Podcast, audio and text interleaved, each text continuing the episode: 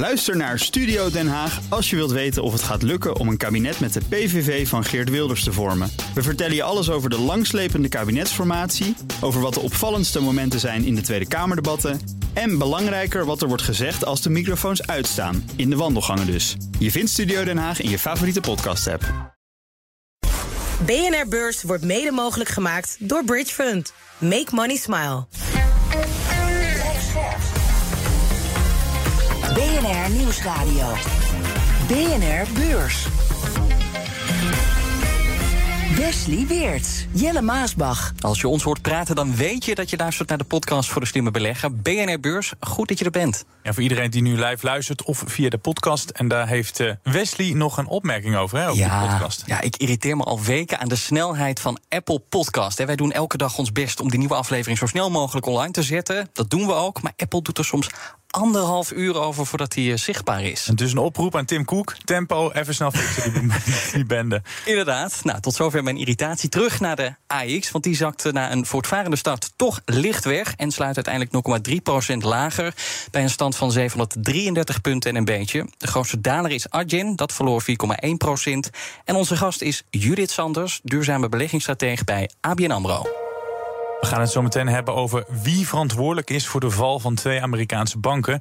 Dat antwoord moet komen uit deze hoorzitting. I was here in 2008. I don't want to live through it again. Do you agree with President Biden's statement two weeks ago that Congress should strengthen rules for banks to make it less likely that we will see another failure similar to that of Silicon Valley Bank? Ja, die senator had er niet uh, echt veel zin in. Maar ik wil beginnen met ander nieuws dat opviel. En dat komt van Disney. Nou, toch wel jouw lievelingsbedrijf. Zeker. Uh, al is het nieuws wat minder uh, lollig daar. Disney gaat 7000 mensen ontslaan. Dat werd laatst aangekondigd. Bob Iger moest terugkeren als topman om de rotzooi van Bob Chapek op te ruimen. Die ontslagronde van Iger die heeft gevolgen voor de metaverse, leren we nu. Je Oh. weet wel, zo'n virtuele wereld waar Mark Zuckerberg miljarden in stopt. De Disney gelooft er niet meer in. Het clubje mensen dat bij Disney aan die metaverse werkt, moet eruit, meldt de Wall Street Journal. En dus stopt het hele project nu. Dus die ontslagronde zorgt er dus voor dat ook dat metaverse-project gekild wordt. Ja, en bij Meta hadden ze ook al dat metaverse-project wat meer op de achtergrond gezet. Dus het einde van de metaverse misschien. Nou, ik zag nog wat anders leuks van analisten van Credit Suisse. En ja, die zijn ondanks de overname door UBS nog gewoon aan het werk. En ze hebben interessante cijfers over de Europese bierconsumptie. Want we drinken minder bier. De consumptie die daalde in het eerste kwartaal met 7% En de snel stijgende bierprijzen die worden als belangrijkste reden genoemd. Alleen wat mij dan weer verbaast is dat ze niet opmerken... dat het vierde kwartaal ja, toch echt een feestperiode is... met kerst en oud en nieuw, waarin we dus ook meer drinken. Eh, en daarna, ja, dat doen de meeste mensen het wat rustig aan. Dat is dat eerste kwartaal... Met uitzondering van mensen die carnaval vieren dan. Maar dat, ik denk dat dat toch ook wel heeft meegespeeld, denk je niet? Ja, eh, zeker, zeker. Ik ben Ja. helaas niet gaan eh, carnavallen. Ben jij een carnavallen? Nog niet. Wat niet is, kan nog komen. Wat niet is, kan nog Ja. komen. Nou, ga volgend jaar maar mee dan. Maar ja, ook iets om in je achterhoofd natuurlijk te houden... als je belegt in Heineken en AB InBev... als die bierverkoop inderdaad in het eerste kwartaal dalen. Ja, je hoorde net de naam Tim Cook voorbij komen, de baas van Apple. Nou, ik heb nieuws over een eh, andere collega van hem, Jeff Williams, de COO van Apple. Die heeft wat aandeeltjes verkocht vorige week. En hij hield er, hou je vast, 30 miljoen dollar aan over. Wat aandeeltjes. Ja, hij werkt eh, sinds 2015 als operationeel directeur en is op papier goed voor een paar honderd miljoen. Dus dat loont eh, toch wel. Behalve podcasts eh, snel online zetten. Ja, dat loont niet. En we hadden het al eens eerder over de plannen van woonminister Hugo de Jonge. En Die wil een groot deel van de woningen in de vrije sector reguleren. Want die huren die zijn nu nog vrij. En tot nu toe zochten vooral beleggers met kritiek de publiciteit. Die waarschuwden dat beleggers door de plannen van de minister de sector de rug zouden toekeren. Waardoor het tekort aan huurwoningen alleen maar verder toeneemt. Maar pensioenfonds PME die laat nu een tegengeluid horen. En dat is ook een groot pensioenfonds, 1,3 miljard euro aan huurwoningen. En dat fonds is wel enthousiast over dat huurplafond van de jongen.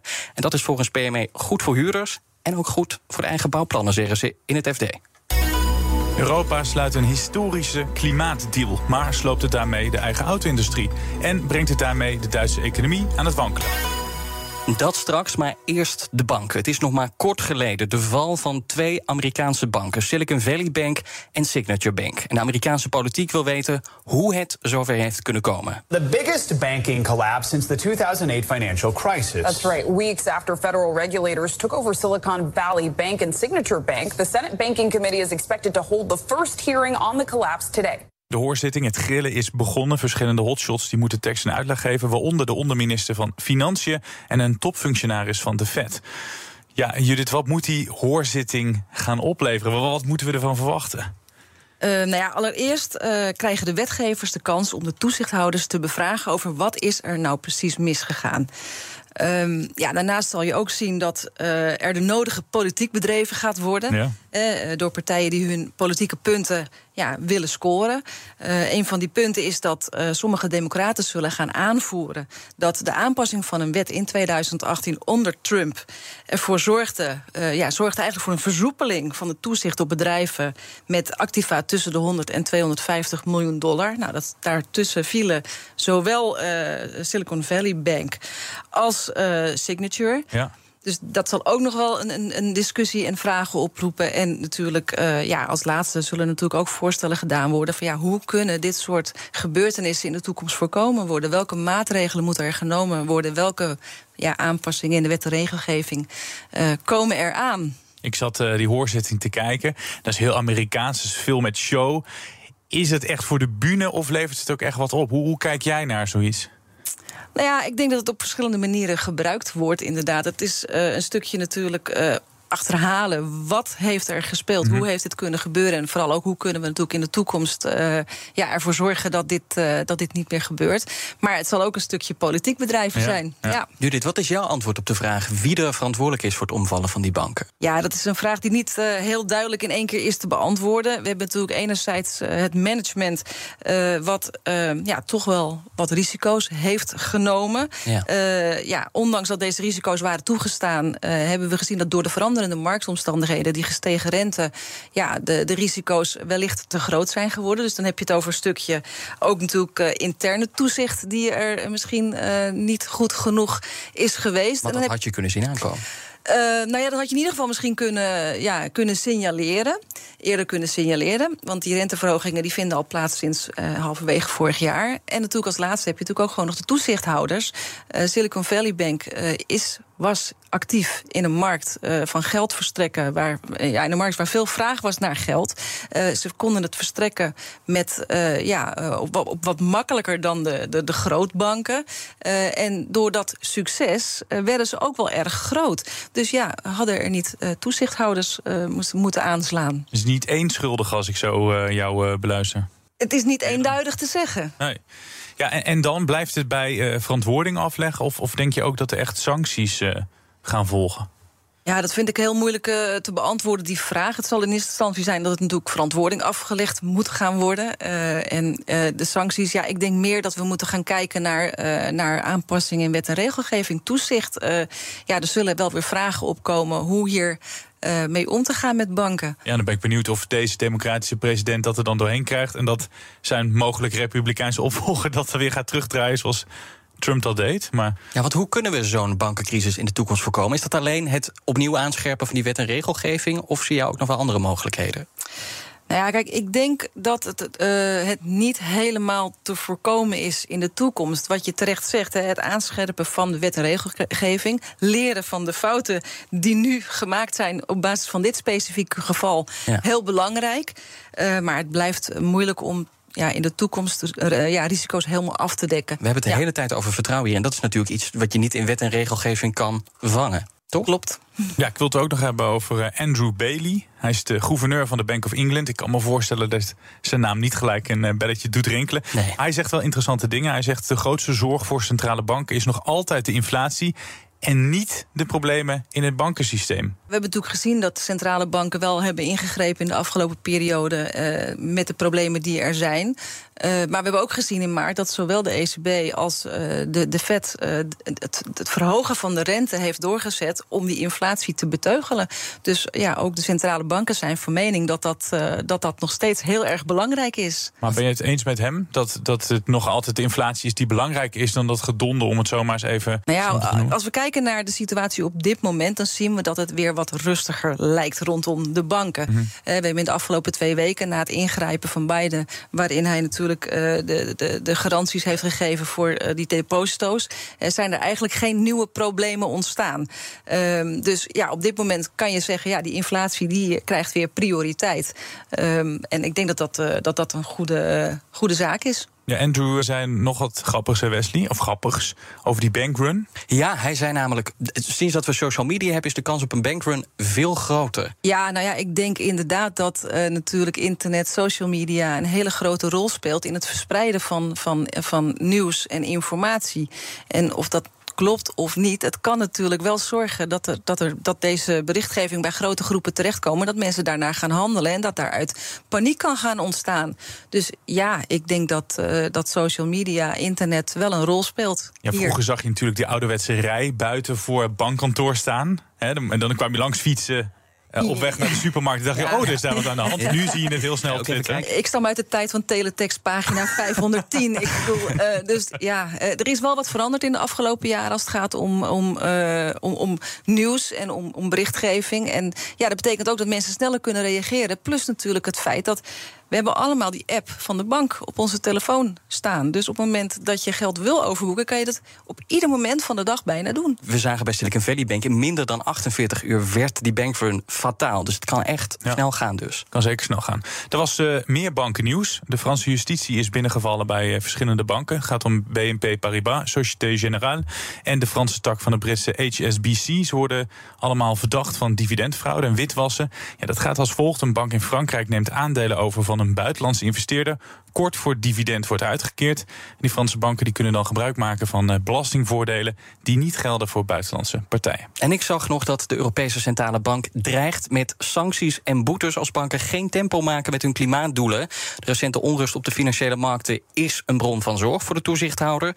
Maar deze valt in het niet bij de klimaatrisico's, al dus de ECB. En de toezichthouder die geeft ze tot eind volgend jaar om de risico's van klimaatverandering in kaart te brengen. Op uh, wat voor manieren lopen banken uh, risico als ze dat uh, allemaal niet goed in beeld hebben? Ja, op veel manieren. Uh, een van de manieren is natuurlijk in je krediet, kredietportefeuille. Ja. Uh, daar loop je natuurlijk wel degelijk een risico. Maar een bank loopt natuurlijk op allerlei manieren met alle activiteiten risico's op dat vlak.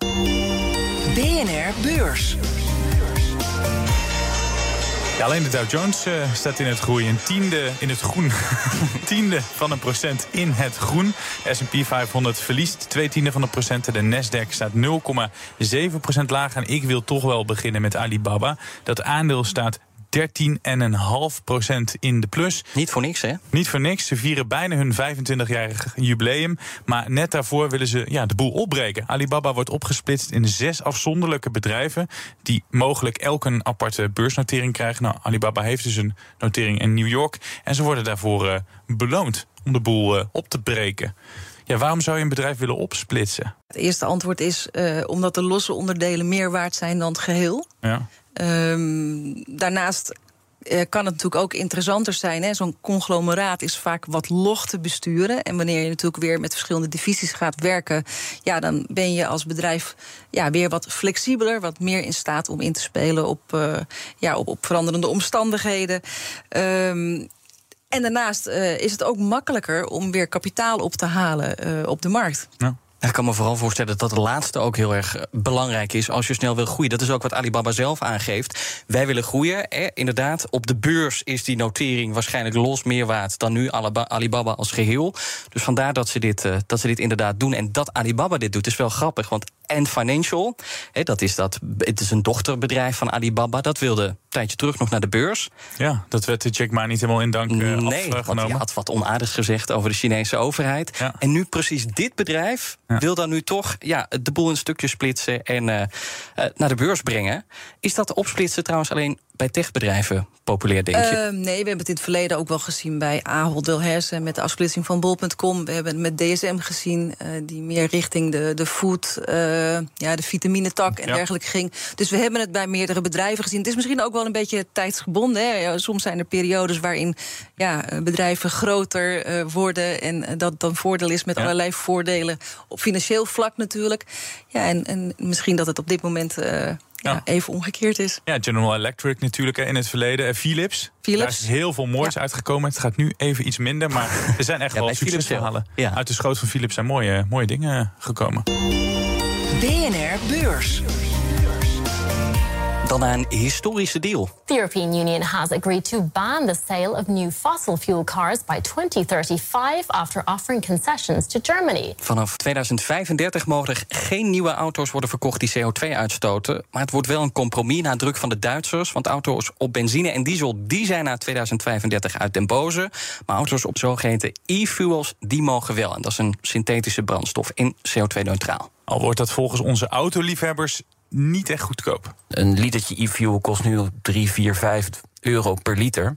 Ja, dat, dat moet natuurlijk veel meer naar beneden. Productiekosten, hè? Ja, Let ja, wel, zeker. dan Ja, moet er nog ja. de accijns overheen en ja, dat wordt in Nederland en- een tientje, 12 euro per liter. Ja, het lijkt alsof die autofabrikanten heel veel tijd hebben. Maar 12 jaar, is dat genoeg? Kijk, steeds meer autofabrikanten zetten in op elektrisch rijden. Eh, dus in dat opzicht eh, is, is het een ontwikkeling die al langer gaande is en die eigenlijk steeds sneller lijkt te gaan.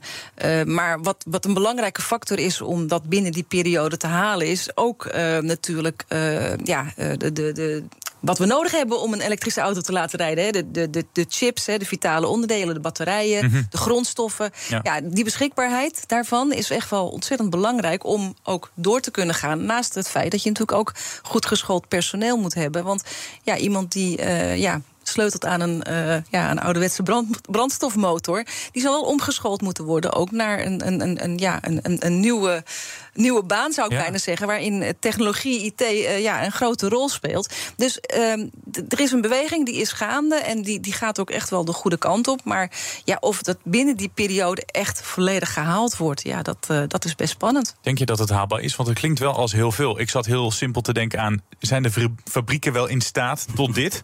maar je komt met de grondstoffen, met de onderdelen, met het omscholen.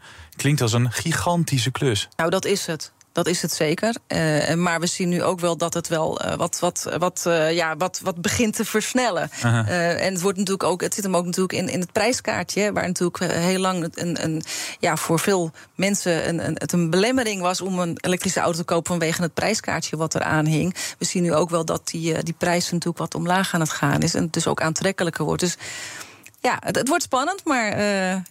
Het moet nu, want Het ze moet. hebben nog maar, eh, Ja. nog maar 12 jaar. En batterijen die zijn natuurlijk cruciaal voor die schone toekomst. Alleen daarvoor is lithium nodig. En dat halen we op dit moment vooral uit China. Maken we ons hiermee niet juist heel erg afhankelijk ook van China? Ja, we hebben natuurlijk eerder gezien dat die afhankelijkheid niet altijd even eh, prettig is. Nee. Eh, Als we kijken naar het afgelopen jaar natuurlijk met, eh, met gas en olie, met Rusland en Oekraïne. Ehm, maar er, er zijn inmiddels ook wel initiatieven om op andere plekken in, in de wereld lithium te gaan winnen. Zo heeft zelfs Europa lithium in, in de grond zitten, wat mogelijk gewonnen zou kunnen worden. Ik zeg niet dat dat direct allemaal gaat gebeuren, maar het zou mogelijk kunnen. Maar dat zijn wel discussies die gevoerd moeten worden. Maar dan moeten we hier weer lithiummijnen gaan openen. Mogelijk wel, ja. Zou daar voorstander van zijn? Ehm, dat is een hele lastige vraag en ook niet eenduidig te beantwoorden. Er zitten voordelen aan, eh, wat je terecht zegt, van ja, dan ben je minder afhankelijk Ja. van, eh, van natuurlijk een China. Eh, de nadelen zijn dat je dus inderdaad een stukje eh, CO2-uitstoot natuurlijk naar Europa gaat halen. Een Ja. stukje milieurisico ook hier naartoe gaat halen met water en met, met eh, nou ja, wat natuurlijk eh, met de vuiling in de lucht. Eh, maar een ander voordeel kan weer zijn dat wellicht zeg maar de winningstechnieken. Eh, ja, schoner zouden kunnen zijn. Dus er zitten ja, echt wel dilemma's aan om dat wel te doen en om het niet te doen. En ja, daar zullen gesprekken over gevoerd moeten gaan worden. Ja, dan moet Brussel die landen meekrijgen. Uit mijn hoofd is dat Portugal volgens mij waar eh, lithium eh, ligt. Frankrijk, Zweden. Het, het zijn een aantal Ja. landen in Europa waar het ligt. Ja. De vraag is. Eh, ja, gaan we, het, eh, gaan we het winnen? Maar hadden we dat niet moeten doen voordat we dit verbod eh, instellen? Want we gaan nu pas nadenken over... ja, waar kunnen we in hemelsnaam onze grondstoffen vandaan halen? En moeten we dat misschien dan in Europa doen? Ehm, ja, nou ja, ik denk dat ook de omstandigheden zoals die er in de afgelopen periode zijn geweest, dat dat nadenken wel wat versneld heeft. Ja. En wat, wat betekent dit besluit voor de beursgenoteerde autobedrijven? Voor, voor, die, voor de Volkswagens en de BMW's van deze wereld? Nou ja, kijk, het besluit. Kijk, we zien gelukkig dat Volkswagen, BMW, eh, veel automobielfabrikanten zijn, zetten inmiddels wel echt in op elektrische auto's. Eh, dus in dat opzicht eh, is er al wel een hoop veranderd in de afgelopen jaren. Er zijn ook periodes geweest waarin dat wat minder plaatsvond. En toen die ja, dat, dat inzicht kwam, hebben we ook echt wel even een grote vraag naar grondstoffen gezien. Extra vraag naar grondstoffen gezien. Wat weer die prijs enorm heeft opgedreven. Dus, maar inmiddels zien we wel dat, uh, dat die fabrikanten ook die kant op aan het bewegen zijn. We lieten net een quoteje horen, een fragmentje horen van Bas van Werven. Die heeft samen met Carlo Bransen Petrolheads, de podcast. En mm -hmm. twee oude mannen die heel erg vasthouden aan die verbrandingsmotor. Die willen brullende motoren. Die willen niet zomaar stille variant. Dat willen ze niet. Absoluut niet. Maar is die toekomst van die luxe sportautomerken ook onzeker daarmee? Als nee. we ja, voor de liefhebber bestaat een Fiat E500 waar een, uh, ja, een, een sound generator in zit. Die maakt dus oh, ja. het geluid van een brullende motor. Ik vermoed dat deze mannen daar niet per se op aan het wachten zijn. Nee, daar kan ik wel antwoord op geven. Dat nee. is helemaal niks. Nee, maar er zijn natuurlijk ook nog andere alternatieven. E-fuel uh, is iets waar Porsche onder andere natuurlijk uh, mee, mee, bezig is met de ontwikkeling daarvan. het voordeel van e-fuel is dat het ja, minder CO2 uitstoot dan fossiele energie. 80% minder. Uh, even uit mijn hoofd. Het is fors, maar het is nog steeds niet geen CO2. Ja. Dus het is niet de ideale oplossing. Nee, en het is nog nauwelijks beschikbaar. Het is heel nou ja, duur, horen we net ook. Dat is eigenlijk het volgende punt wat ik wilde aangeven. Het is beperkt beschikbaar en uh, ja, er hangt een fors prijskaartje aan. Zouden we daar niet op door kunnen gaan? Da dat meer doorontwikkelen, dat het uiteindelijk naar nul uh, gaat? Ja, er zijn natuurlijk meerdere mogelijkheden. We, we zetten heel erg in op elektrisch, maar we hebben natuurlijk waterstof, e-fuel. Uh, het gaat er ook om dat het gewoon voldoende beschikbaar is, zodat het de prijs omlaag kan. Uh, en ja, dat, dat is denk ik wel een basis voor, uh, voor het succes. Maar is daarmee, want het zijn vooral die luxe automerken. Dat, dat zijn ook, de, de, nou, die hebben allemaal van die sportauto's. En daar zitten die petrolheads uh, voornamelijk in. Maar zijn dat soort aandelen daarmee ook niet een risicovolle belegging? Want als ik je zo hoor, is die toekomst best wel onzeker. Nou ja, de, de, voor de toekomst is een fossiele uh, brandstofmotor is een aflopende zaak. Uh, we kijken naar, naar, naar automobielfabrikanten die uh, elektrische auto's produceren. Daar zit echt wel een belangrijk stuk toekomst in. Ik vind het heel moeilijk om in te schatten of er een, een toekomst naast elektrisch rijden is voor e-fuel en voor de luxe merken. Want uiteindelijk uh, is het natuurlijk ook van belang. Uh, waarom is waterstof nog steeds uh, eigenlijk beperkt beschikbaar. Er zijn ook geen laadpunten. Dus het, het, is niet alleen de auto die je moet ontwikkelen en een bepaalde vorm van brandstof, maar het is ook een netwerk eromheen. Wat ervoor moet zorgen dat je wel door het hele land kan rijden, het liefst door heel Europa bij wijze van spreken kan rijden. Ja, en dan gaan we kijken wat er morgen op de agenda staat. We hebben toch nog jaarcijfers voor je. En die komen van een beursbedrijf met een notering aan de Amsterdamse beurs. Het gaat om HAL, dat belang heeft in onder meer Vopak, SBM Offshore en Coolblue. En het bedrijf dat ook zit achter de FD Media Groep, eigenaar van BNR. HAL is goed voor zo'n 10 miljard euro aan beurswaarde. En de laatste aanwinst voor het bedrijf is Boskalis. Al kocht het in het derde kwartaal voor ruim 4 miljard euro. En tot slot blaast de Chinese economie 30 kaarsjes uit. De socialistische markteconomie was namelijk op 29 maart 1993 een feit. Morgen staan we stil bij dit feestje en kijken we hoe China in relatief korte tijd kon uitgroeien tot zo'n economische wereldmacht. Leuk dat, dat we gelijk even gaan teasen naar morgen. Toch? Dat we al verklappen wat ja, we morgen oh, ja, ja, ja, ja, ja, je was in slaap gevallen. Nee, ik, ja, ik was al uh, met mijn hoofd uh, thuis en wat ga ik allemaal doen? Nee, maar precies, je hebt heel mooi geteased naar morgen. En dit is het einde van de aflevering. Dankjewel, Judith Sanders, duurzame beleggingsstratege bij ABN AMRO. En we sluiten elke aflevering natuurlijk af met een tip uit het boek van Corné van Zel. En deze tip gaat over de lange termijn. Op lange termijn doen aandelen het altijd goed. Tot morgen. Tot morgen. BNR Beurs wordt mede mogelijk gemaakt door Bridge Fund. Make money smile. Ook Harm Edens vind je in de BNR-app. Je kunt BNR Duurzaam niet alleen live luisteren in de app, maar ook terugluisteren als podcast, zoals al onze podcasts. En naast dat de BNR-app Breaking News meldt, houden we je ook op de hoogte van het laatste zakelijke nieuws. Download nu de gratis BNR-app en blijf scherp.